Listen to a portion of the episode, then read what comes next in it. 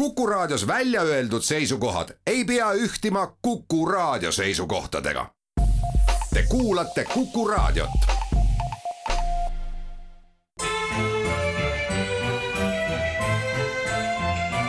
Memoria.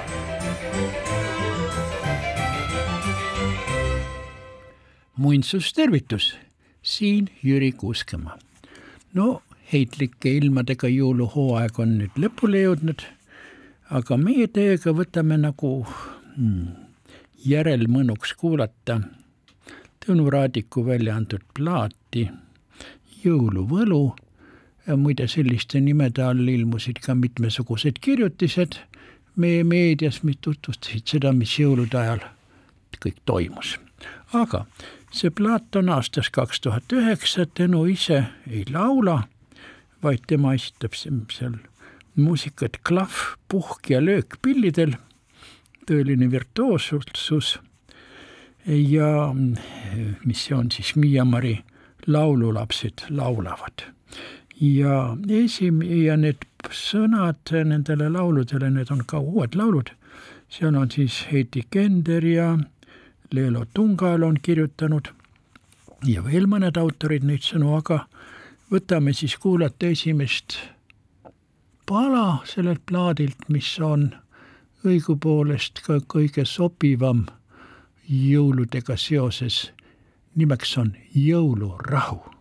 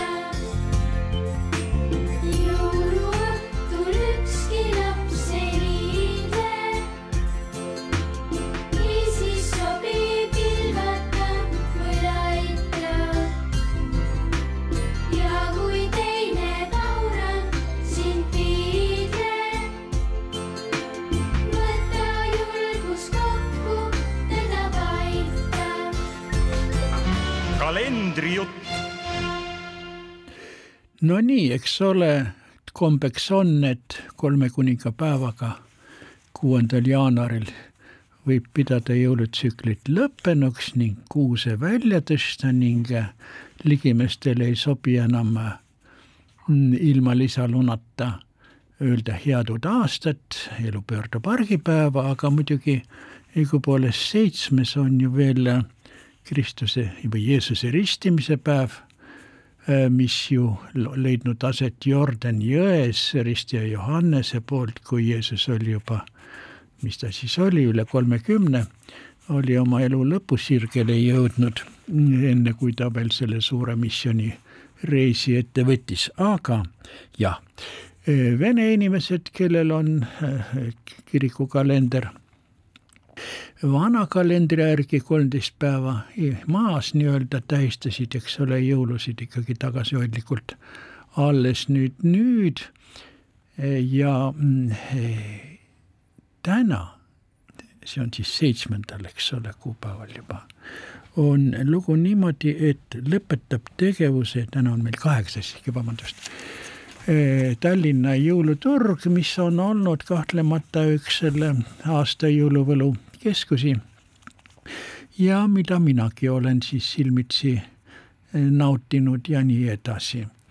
ja õigupoolest ma pean veel tunnistama, et minul on olnud nende valgusefektide osas jõulude ajal siiski veel suurem elamus kui jõulukuusest Raekoja platsil kuust. vaat kuu on nüüd enam-vähem nagu täiskuu ja kui mina oma koduakendest seal Valgi tee ja Toompuiestee nurgal vaatan Toompea lossi poole õhtul, kui on selge taevas, siis kuu käib kaarega sealt Toomkiriku tagant ja Toompea lossi tagant jääb vahepeal sinna varju, aga siis tõuseb vupsti kõrgele ja hõljub Toom, Toomlossi, Toompea lossi tagant paremale jõudes lõpuks, lõpuks päris kohe lõuna suunda, eh, hõljudes ka üle Kaarli kiriku tornide, mida ma oma aknast puidet, puudetud ei näe, aga see on üks ütlemata, ütlemata, ütlemata tore vaatepilt ja müstiline ja igati, et ma äh, pean tunnistama, et siiani pole ükski fotograaf ega maalija taibanud sellest kuu kulgemisest üle Pika Hermanni ühte pilti teha, aga noh, küllap seda veel jõuab. nii et, et selles mõttes ohkan ma rahuldunult või rahulolevalt nüüd täna pühapäeval mil äh, jõuluturg lõpetab oma tegevuse ja minagi pöördun tagasi oma argiste toimetuste juurde. ja mis ma siin siis meenutaksin teile veel, eks ole, et äh, küsimus on selles nädalas, et mis selle nädala nagu tähtsam siis sündmus oli, lisaks, eks ole, jõulude ja kolme kuningapäeva tähistamisele. no võimalik, et osa inimesi, eriti lastega inimesi, kellel lapsi rohkem eh,, rahulolevalt ohkasid see üle, et president nüüd kinnitas nende lastetoetuste mõningase tõstmise paljulapselistele peredele või peredele, kus on alates kolmest lapsest, aga pika ninaga jäid siis need ühe- ja kahelapselised eh, perekonnad. nii et see asi tekitas nagu mm, mõnevõrra erinevaid hoiakuid ja rahulolu või rahulolematuse määra, no ja rahuloleva, rahul võivad olla ka mõnevõrra ka minu, minuealised, kes saavad riigilt pensioni, et pension tänavu natukene ju tõuseb, eks ole, nii et asi seegi, kuigi see inflatsiooni eh, katta ei suuda, aga ikkagi üldine asi liigub natuke paremuse poole. aga niisugune üksikutest sündmustest, mis ka nagu elevust tekitas, oli neljapäeval Edgar Savisaare ärasaatmine Estonia kontserdisaalist, eh, kusjuures vahepeatus oli veel perekonnale Jaani kirikus talitusega ja edasi teekond Võnnu kalmistule, kus on puhkamas igavest rahu Edgar Savisaare vanemad. no Edgar Savisaar on niisugune isik ju, kes on kirgi üles kütnud väga rohkesti osa on temast jäägitus vaimustuses ja osa on jäägitult nördinud ja pahurat tema peale. Ja see on eh, igatahes märgiks, et ta oli nii väljapaistev isiksus, et ei jätnud kedagi ükskõikseks. ja mm, eks tõesti siin puhul on vaja, et kired rahuneksid, kui tema surmast on läinud mööda pikem aeg ja on hakanud omandama vähem tähtsat rolli Eesti iseseisvumisel, need vastuolud, mis olid Eesti Kongressi ja ja Ülemnõukogu ja valitsuse vahel ja samuti, mis tekkisid siis uue Eesti aja alguses, kui Savisaar oli peaminister ja hiljem, kui ta enam seda ei olnud ja oli Tallinna linnapea ja siis tekkis linna ja Toompea vahel selline vastasseis, mis oli viimati keskajal nii äge, e, kui alllinnal olid omad seadused ja üleval omad, omad. ja eks seesamune, see vastasseis, kas kestab ju nagu praeguseni, aga nagu mõned mälestajad e, sellel ärasaatmisel ütlesid, et küllap läheb veel aega, kuni suudetakse siis erapooletult hinnata Edgar Savisaari teeneid ja eh, mil ilmselt ikkagi selgub, et need teened ületavad nii-öelda patud, kuigi mõned leiavad praegu, et Savisaar on nii-öelda poliitiliselt ennast üleni tõrvaga ära määrinud, aga see ongi see ilmne liialdus. no kui olla natukene isiklik, siis mina võin tunnistada, et kui Savisaar oli linnapea, siis oli minul temaga ju kokkupuuteid kahes liinis, ühelt poolt need vanalinna ja Tallinna päevad ja muud sellised vanalinna üritused, kus mina osalesin Heeroldi rollis. ja teisalt, kui aastal kaks tuhat kümme, jah, kutsus Edgar Savisaar mind linnavalitsusse nõunikuks. Ja kuhu, ja kus ma olen, kuhu ma olengi jäänud praegu konsultandi nii-öelda ametikraadis ja siis oli mul muidugi võimalus näha Edgar Savisaare pide-, pidevalt iga nädal, kui olid need nõunike koosolekud ja arutati siis ühelt poolt linna asju, aga teiselt poolt arutati ka siis Keskerakonna asju, osa nõunikke olid poliitnõunikud. Ja see oli muidugi huvitav ja ma pean küll ütlema, et ähm, selle aja jooksul äh, olid mõned üksikud äh, juhtumid, mil ma ei, leidsin, et nüüd linnapea vist ei käitu kõige, kõige õigemini või är-, ärritub, aga üldiselt ta oli siiski, selles osas oli tasakaalukas ja inimestega, kel, kes olid tema nii-öelda kaasteelised või kaastöölised nendesse ta reeglina suhtus väga heatahtlikult, nii et minagi ei saa nuriseda muu üle, et kui mõnikord oli mul mingi idee muinsuste alal Tallinnas, siis küsis Savisaar minult, et aga kust ma raha võtan. ja mõnel puhul jäi raha võtmata, aga mõnel puhul sai ka raha leitud, nii et selles mõttes olin mina nagu selles mõttes noh, nagu nõunik ikka halli kardinali rollis ja seda olen ma olnud siis ka veidikene hiljem tänase päevani välja. aga see selleks, nii et igatahes rahu tema põrmule ja ma usun, et ähm, mida edasi äh, see ja seda rohkem vaibuvad niisugused kired ja poliitilised erimeelsused jõuavad selleni, et äh, selles reas nagu Jaan Tõnisson Jaan Poska, Konstantin Päts, Johan Laidoner ja veel mõned teised, sinna jäädvustub ka Edgar Savisaar, kusjuures loomulikult eks eh, tulevased ajaloolased, kes võivad asju vaadata rahulikumalt, leiavad kindlasti nii hästi selle positiivse üles, kõik positiivse, mis on Edgar Savisaar olnud seoses Eesti riigi taassünniga ja sellega, et see toimus rahumeelselt ilma verevalamiseta, see on ikka suur, suur jälg ja positiivne jälg, mille eest me peame olema ole tänulikud, et selline mees nagu Edgar Savisaar oli olemas, nii et rahu tema põrmule. aga uuel nädalal, kui me vaatame kalendrit, mida me sealt siis leiame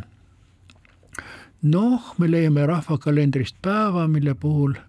on niisugune käibefraas, et rohukõred hakkavad lund vihkama. No praegu küll sellesuunalisi märke ei ole, vahepeal oli neid küll õige palju ja oli vahepeal hirm, et jõuludeks ja uueks aastaks lumi hoopiski ära sulab, selle tõttu, et kõrred lund vihkavad ja kõik sulab aga näete, nüüd on ilma keeranud jälle nii-öelda miinuskraadidesse, kuigi uuel nädalal pidi jälle üle plussi tõusma ja tõesti see, see lume sulamine jällegi jätkub. No loodame, et Otepääl saavad oma suusatamised ära suusatada, ilma et see lumi sulaks, täna on vist neil seal te palju tegemist. nii et neile võib edu soovida. aga olgu küll öeldud, et üle pea on ähm, selle taliharja päevaga, äh, mida siis nüüd neljateistkümnendale, neljateistkümnendale jaanuarile on nagu kirja pandud, lugu natukene veniv, sest et erinevates Eesti piirkondades seda tähistatakse natukene erinevalt, mõnel pool on see hoopiski tõnisepäeval ja suurema, suuremas osas Eestis ongi need talliharja päevakombed, mil, mis aastat nagu poolitab või talve poolitab, koondunud just seitsmeteistkümnendale jaanuarile, mil me sellest räägime või selle eel. Ja osa on isegi küünlapäevale, teine veebruar ja muidugi eks aastate kaupa on ju see ka erinevus, et kuidas need kliima, klimaatilised olud juhtuvad olema, mõnikord võib olla, eks ole, talliharjapäeval ikka väga vinge pakane, aga mõnel pool ka sula ja tõesti jäävihm, nagu nüüd meid hirmutatakse. no ja eks ole, muid niisuguseid olulisi eh, päevi, selle, mida tähistada, me ei ole ei rahvakalendris ega ka kirikukalendris, nii et on selles mõttes tulev eh, rahulik nädal, aga meie teiega pöördume nüüd taas jõululisele muinasjutumaale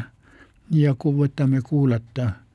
eh, laulu, mille nimeks on põtrade jõulud.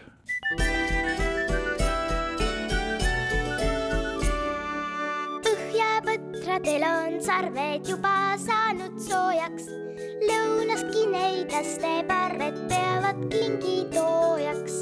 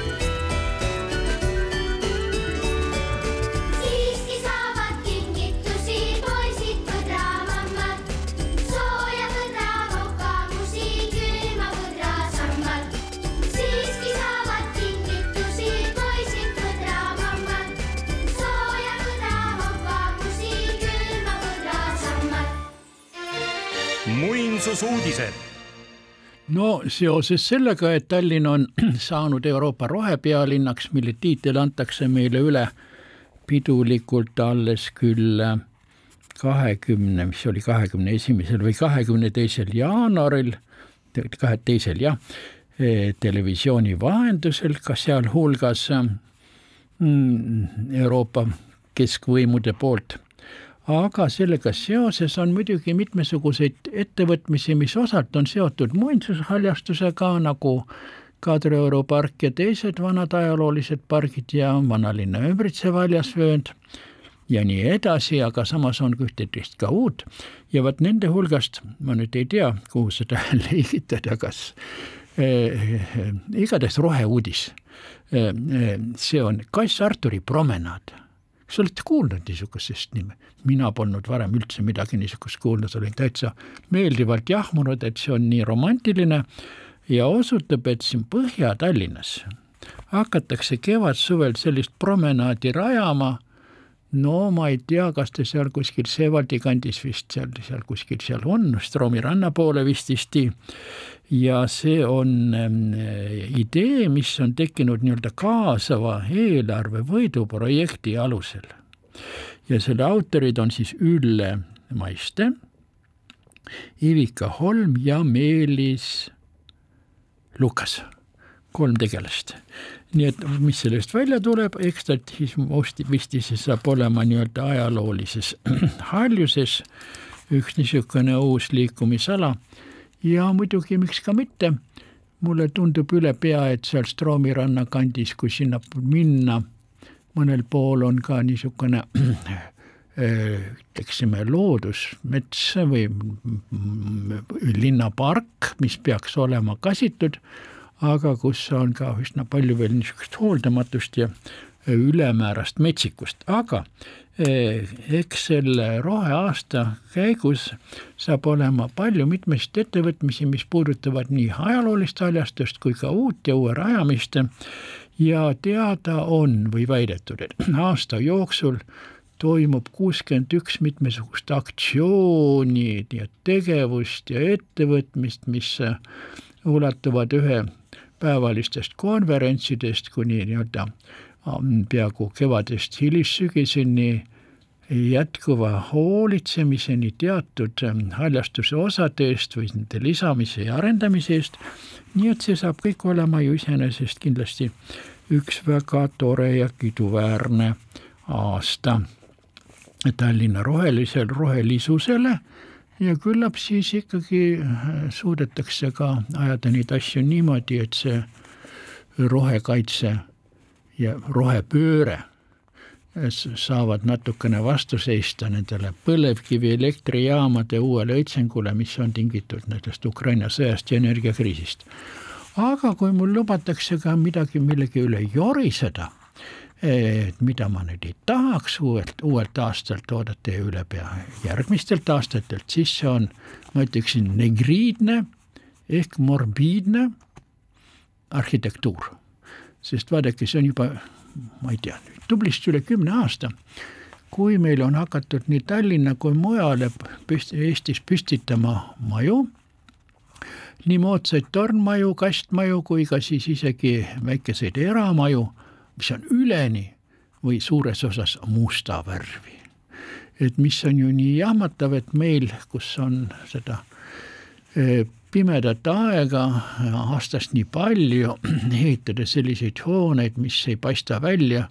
ja neelduvad siis veel täiendavalt pimedusse, justkui neid polekski olemas, kui just need tuled seal sees ei põle. ja ma olin kord, vist eelmisel suvel, vaatasin mingit sisekujundusajakirja ja nägin seal pealkirja Must kaunitar Nõmme mändide all. ja kui ma seda vaatama hakkasin, siis selgus, see oli üks eramaja klaas, plekk ja, ja betoon. Ja eks sellest need kolmsada põhimaterjali ju nendel mustadel majade karpidel ongi, kuni nende nii-öelda plaasadeni, vägevateni nagu Pärnu maanteel välja. Ja samas mul on nagu eriti kurb meel, et isegi nii oluline kultuuriasutus, mille sisemus olevat, ma pole sinna ise veel jõudnud olevat väga hästi ja, ja huvitavalt lahendatud, see on siis muusika- ja balletikool ehk MUBA, näeb väliselt välja nagu üks suur kaubaladu või autoremonditöökoda kuskil äärelinnas. üleni must plekkkarp, ilma liigenduste paar kollast jutti, aknavad kõik, mis kuidagi ühelt poolt äh, mõjub niimoodi rusuvalt ja see on vähe sellest, äh, selline must karp, sigine säss ja ka Estonia puiestee ja Tatari maantee nurgale, kust lammutati osa, osa ühest vanast majast, ka üleni must fassaad. ja ma nägin hiljuti filmilinnaku projekti ekra- eh,, projekti fotot televisioonis, seal ka must. Ja see musta kultus on mitte ainult Tallinnas, vaid ütleme Tallinnas ka elumajade juures, vaadake Veerini tänavas seda suurt hoonete plokki, nagu kunagi seal Luteri vabriku puude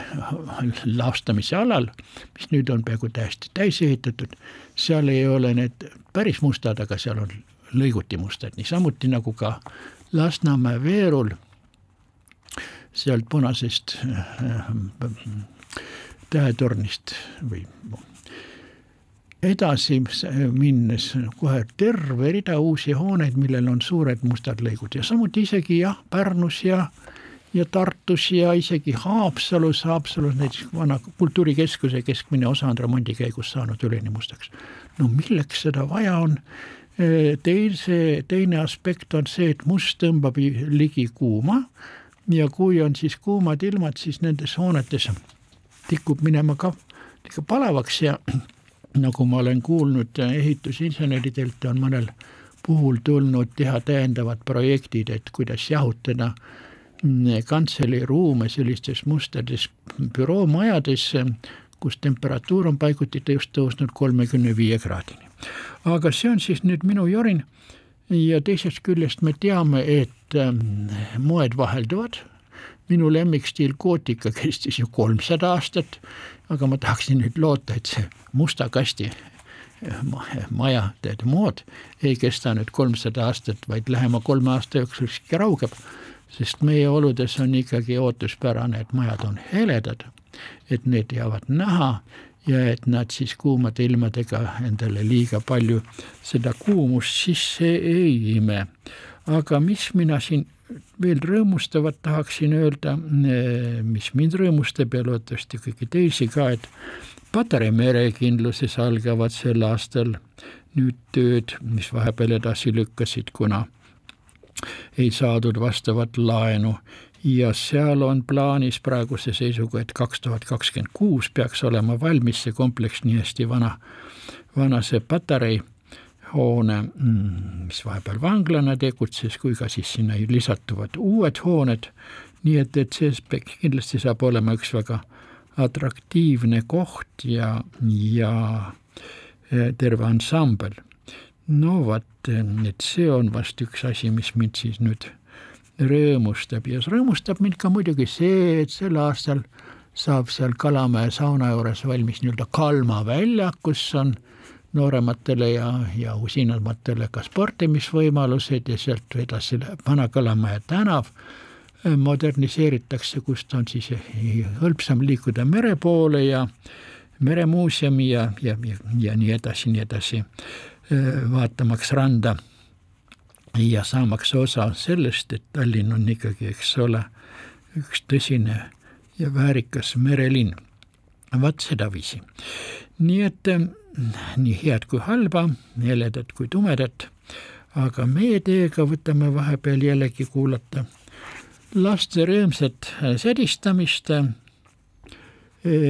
mis hetkel ei ole pealkiri nagu väga aktuaalne, aga võib juhtuda, et see jällegi korduvalt saab toimuma enne kevade tulekut. laulu nimi on nimelt Oodates lund.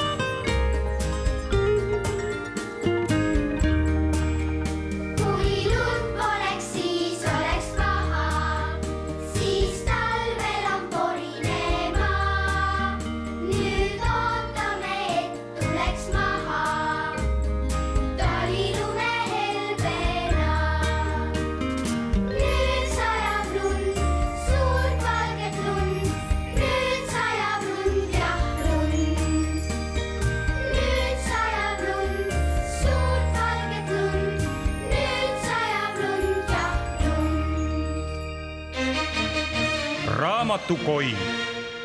vaadake, suvel ilmus endise KGB asejuhi Vladimir Pooli raamat Hävitatud elu, Juhan Laidoner. siis ma seda ei kommenteerinud, aga nüüd seoses Edgar Savisaare ümber jällegi puhkenud poleemikaga, mille käigus ju varem, eks ole, kui see poleemika tekkis nimelt hääletu alistamise raames, siis nimetati reeturiks mitte ainult Konstantin Pätsi, vaid ka meie Vabadussõda juhtinud kindral Juhan Laidoneri. kellele nüüd on, eks ole, seal Viimsi kandis püstitatud monument talle ja tema abikaasale Mariale, kuigi see on nagu siluett, kus need kujud nagu läbi paistavad, aga neid figuure endid ei ole. aga seoses sellega ma vaatasin nüüd neid tõikasid, mis kajastavad Johan Laidoneri eluõhtut, tema elu lõppu. nimelt oli see elu lõpp niisama traagiline nagu ka Konstantin Pätsil, kes lõpetas oma valu, elu vangistuses, niisamuti ka Johan Laidoner. kunagi ma olin nagu kuskilt kuulnud, et justkui olevat isegi Moskvas vangistuses olnud Laidonerist sedavõrd lugu peetud, et teda olevat Moskva sõjaväeakadeemias pida-, kutsutud neid lugema Vene siis kindralikandidaatidele sõjaajaloolisi loenguid, aga see nüüd Vladimir Poolil küll siit kuskiltki ei kajastu, et nii oleks läinud. aga igatahes algasid repressioonid sellega, et üheksateistkümnendal juulil tuhat üheksasada nelikümmend Johan Laidoner küüditati koos abikaasa Mariaga Pensasse, kus ta oli siis valve all, aga kus oli muidugi veel, oli veel, teenindav personal kes olid siis nii-öelda agendid ja pidid, pidi iga nädal aru andma, mida siis nüüd peremees ja perenaine omavahel rääkisid, eks ole. ja siis asi läks niimoodi, aga nad olid siis veel koos. nüüd asi läks hullemaks, kui algas sõda, kui Saksamaa ründas, siis kahekümne, mis see oli siis kahekümne kaheksandal juunil tuhat üheksasada nelikümmend üks lõppes see küüditusolek, nad vangistati mõlemad ja viidi esialgu Pensa vanglasse, kust nad hiljem veel rändasid või rännutati õigupoolest veel mitmeid vanglaid mööda. Ja siis ja siis selles, selles Pensa vanglas pandi talle ka üks niisugune agent, kes temaga vestles. Ja see agent oli küllaltki intelligentne ja on säilinud tema aruanne. mm, või aruanded, millest on siis Vladimir ära, Pool ära toonud niisuguse selle agendi kokkuvõtte, et eh, Johan Laidoner on,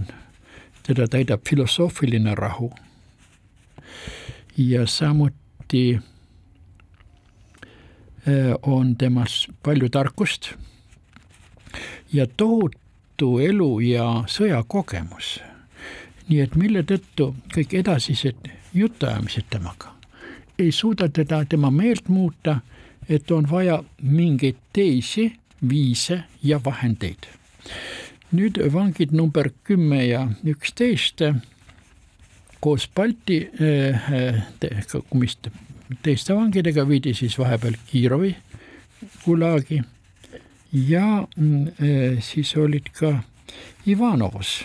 Ivanova vanglas vahepeal. neljakümne teine kuni viiskümmend kaks oli muidugi eriti karm aeg, kui nelikümmend üks, nelikümmend kaks oli siis nälja, näljaaeg, siis eh, tekkis tal skorbuut vitamiini ja toidupuudusest ja samuti osaline halvatus ning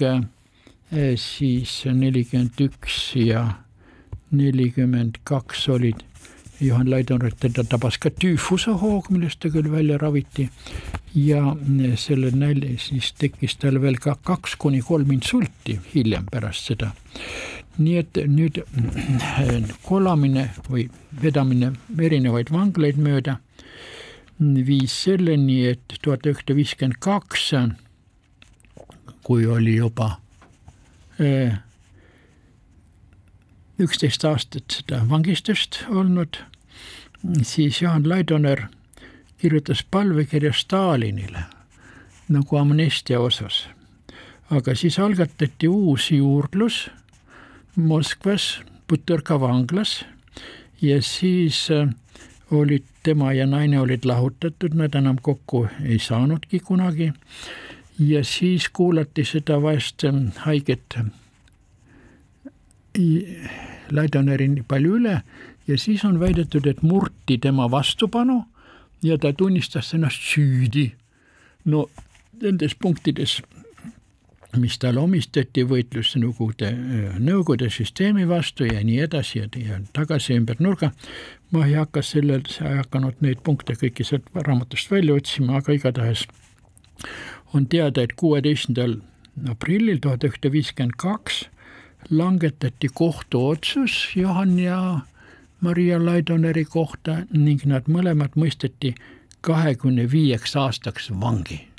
Kujutage ette, kahekümne viieks aastaks veel vangi nad olid juba olnud, olnud üksteist aastat, eks ole, peaaegu kaksteist aastat juba vangis. ja loomulik, et see eh, viis selleni, et Johan Laidoner peatselt suri, see oli siis märtsi alguses tuhat üheksasada viiskümmend kolm, siiski veebruaris jah, mil oli nii, et tervis läks veel hullemaks ja ta oli üheksa, kui kuuekümne üheksa aastane, kui ta heitis hinge kolmeteistkümnendal märtsil tuhat üheksasada viiskümmend kolm. see oli siis äh, nädal aega pärast seda, kui teatati Stalini surmast, eks ole, see oli vist viies märts viiskümmend kolm. kuigi ta väidetavasti oli surnud arvatavasti paar päeva juba enne seda. tema surma ümber oli alguses suur saladusloor. no muidugi see Stalini, Stalini surm ei, ei, ei saanud ju muud moodi mõjuda, kui et pärast selle üldises režiimi pehmenemises ja Ehm, Stalini nagu järk-järgulisega hukkamõistmise, isikukultus hukkamõistmise raames Maria Laidoner mm, sai tuhande üheksasaja viiekümne neljandal aastal vanglast välja. aga, ja, ja siis alles kaheksa aastat hiljem, tuhat üheksasada kuuskümmend kaks, pääses Maria Laidoner Eestisse tagasi, aga muidugi teda ei lubatud ju äh, Tallinna, oma kodukohta vaid ta äh, oli vahepeal Viljandis. Ja seal ühes seltskonnas, kui ma käisin mingisuguseid vanema viljandlase juures mingeid kunstiesemeid vaatamas, oli mul juhus kohata ka vanaproua Maria Laidoneri, kes oli väärikas, aga tõsi küll, mul temaga niisugust lähemat kontakti ei tekkinud, nii et ma ei ei oska tema kohta isiklikult ähm, kommentaariks midagi öelda, aga ta teatavasti rahvuselt oli ta poolatar, eks ole. oli sündinud aastal tuhat kaheksasada kaheksakümmend kaks, nii et see oli siis, kui ta kuuskümmend, kaheksakümmend kaheksa jah, kui ta oli mm, samuti kuuskümmend kaks jõudnud ähm, nüüd Eestisse, kuuskümmend kaks ja kaksteist seitsekümmend kaheksa, eks ole, siis oli ta ikka üpris vana, aga ta elas siiski üsna kaua veel,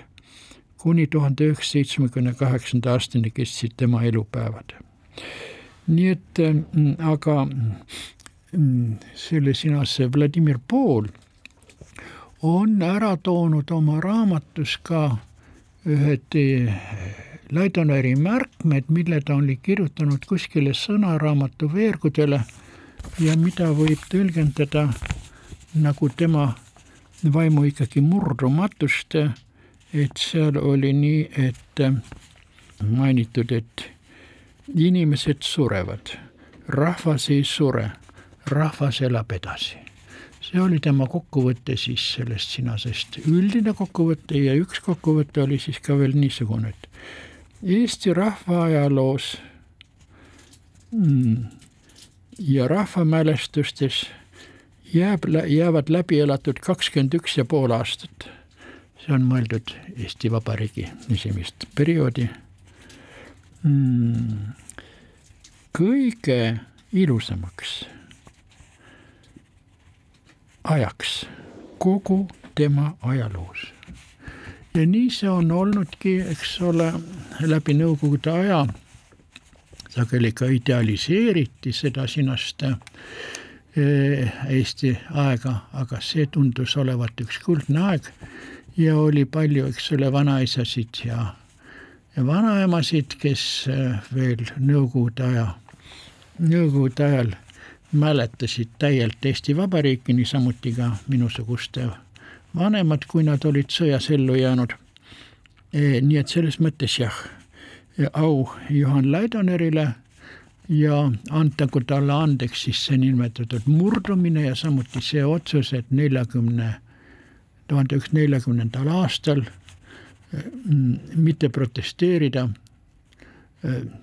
Vene vägede massiivse sissetungi vastu, mil Eestisse väidetavasti lisaks, mis umbes kahekümne viiele, kolmekümnele tuhandele baasides olnud Vene sõdurile ja ohvitserile toodi sisse veel sada viis tuhat ja tõesti ilmselt Pätsil ja Laidoneril oli õigus, et muidu kui nad oleksid vastu hakanud, siis oleks hävitatud mitte ainult Eesti sõjavägi ja paljud meil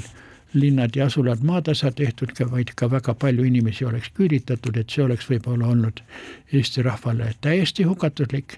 et nüüd oli osaliselt hukatuslik ja pealegi loodeti, eks ole, et astub sõtta Saksamaa ja Saksamaa suhtub Eestisse ja teistesse Balti riikidesse palju libemalt, kuid lõpetame sellega nüüd ähm, meenutused Laidonerist, rahuga tema põrmule äh, ja nüüd kuulame selle peale hoopiski ühe niisuguse jällegi jõululise laulu, mille nimeks on Jõulud soojal maal.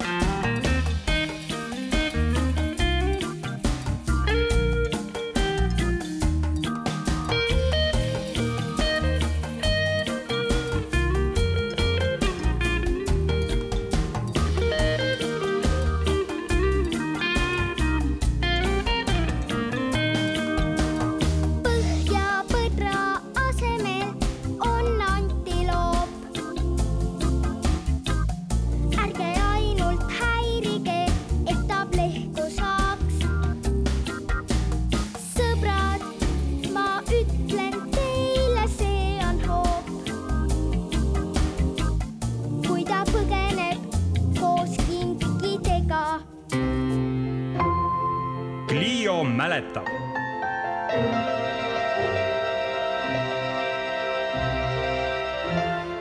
no sedagi, et nõukogude ajal Eesti rahvastiku koosseisu muudeti väga tugevasti,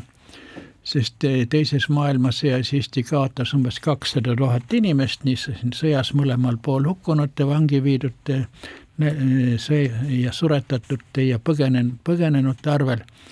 ja näiteks Tallinnas oli ju niimoodi, et enne teist maailmasõda oli siin sada seitsekümmend üheksa tuhat elanikku, nelikümmend neli sügiseks oli jäänud järele sada kakskümmend neli tuhat, nii et kolmandik läks plaks. aga eh, vaat siin nüüd Eesti Mälu Instituut annab välja mm, kogumikke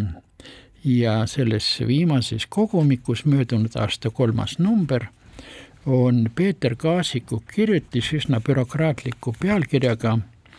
suunatud migratsioon Eestis teise maailmasõja järgsel perioodil. no mina oleks seda küll nimetanud öö, kolonisatsioon, Vene kolonisatsioon Eestis öö, pärast teist maailma. kahjuks ta ei, ei too siin ära andmeid, milline oli siis Eesti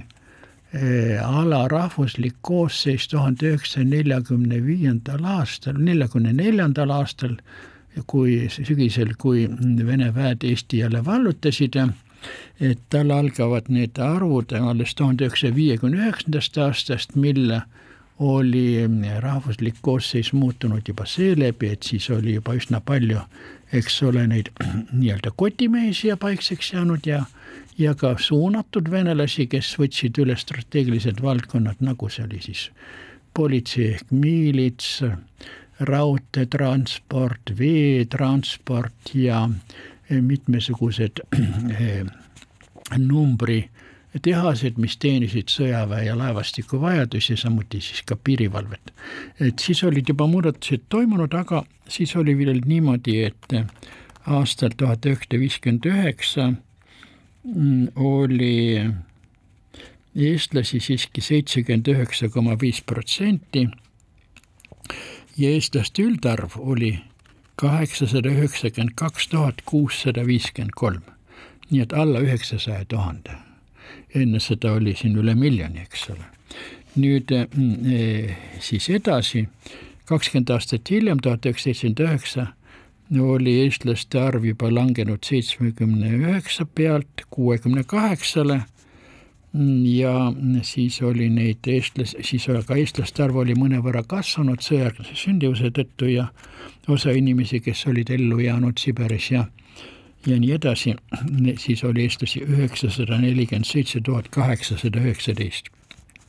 ja nüüd aastal tuhat kaheksasada, tuhat üheksasada kaheksakümmend üheksa, see oli siis, eks ole, rubla lõpuaeg, siis oli eestlasi juba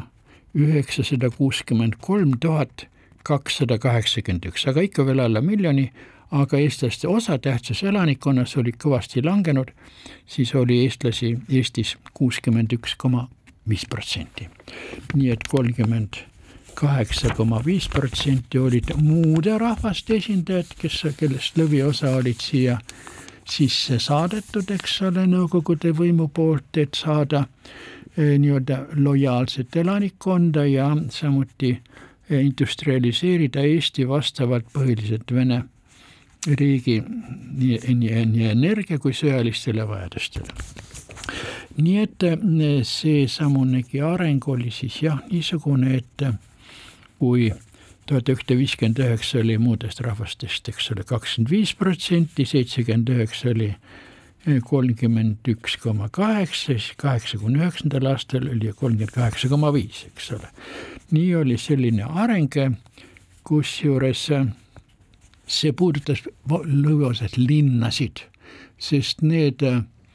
migrandid, kes tulid või siia suunati või tulid siia ise otsi-, selle tõttu, et oli reklaam ja nagu öeldi, eks ole, et siin on leiva peale panna ka võid ja vorsti, eks ole, Eestis. Põllumajandustootlikkus oli parem kui Venemaal, kus oli eh, ikkagi kolhos, kolhoosid ja sovhoosid pikaajaliselt ja muidugi olid hävitanud selle sinase põllumajand-, normaalse põllumajanduse, mis oli veel enne, enne revolutsiooni, eks ole. Eestis oli see paremal järjel. ja nüüd eh,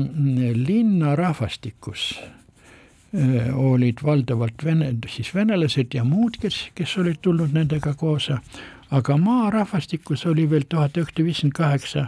eestlasi oli üheksakümmend üks koma kaks protsenti ja kaheksakümne üheksandal aastal oli kaheksakümmend seitse koma neli protsenti,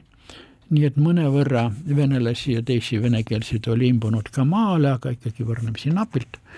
aga eks ole, linnade arengus oli ju niimoodi, et siia meelitati nii hästi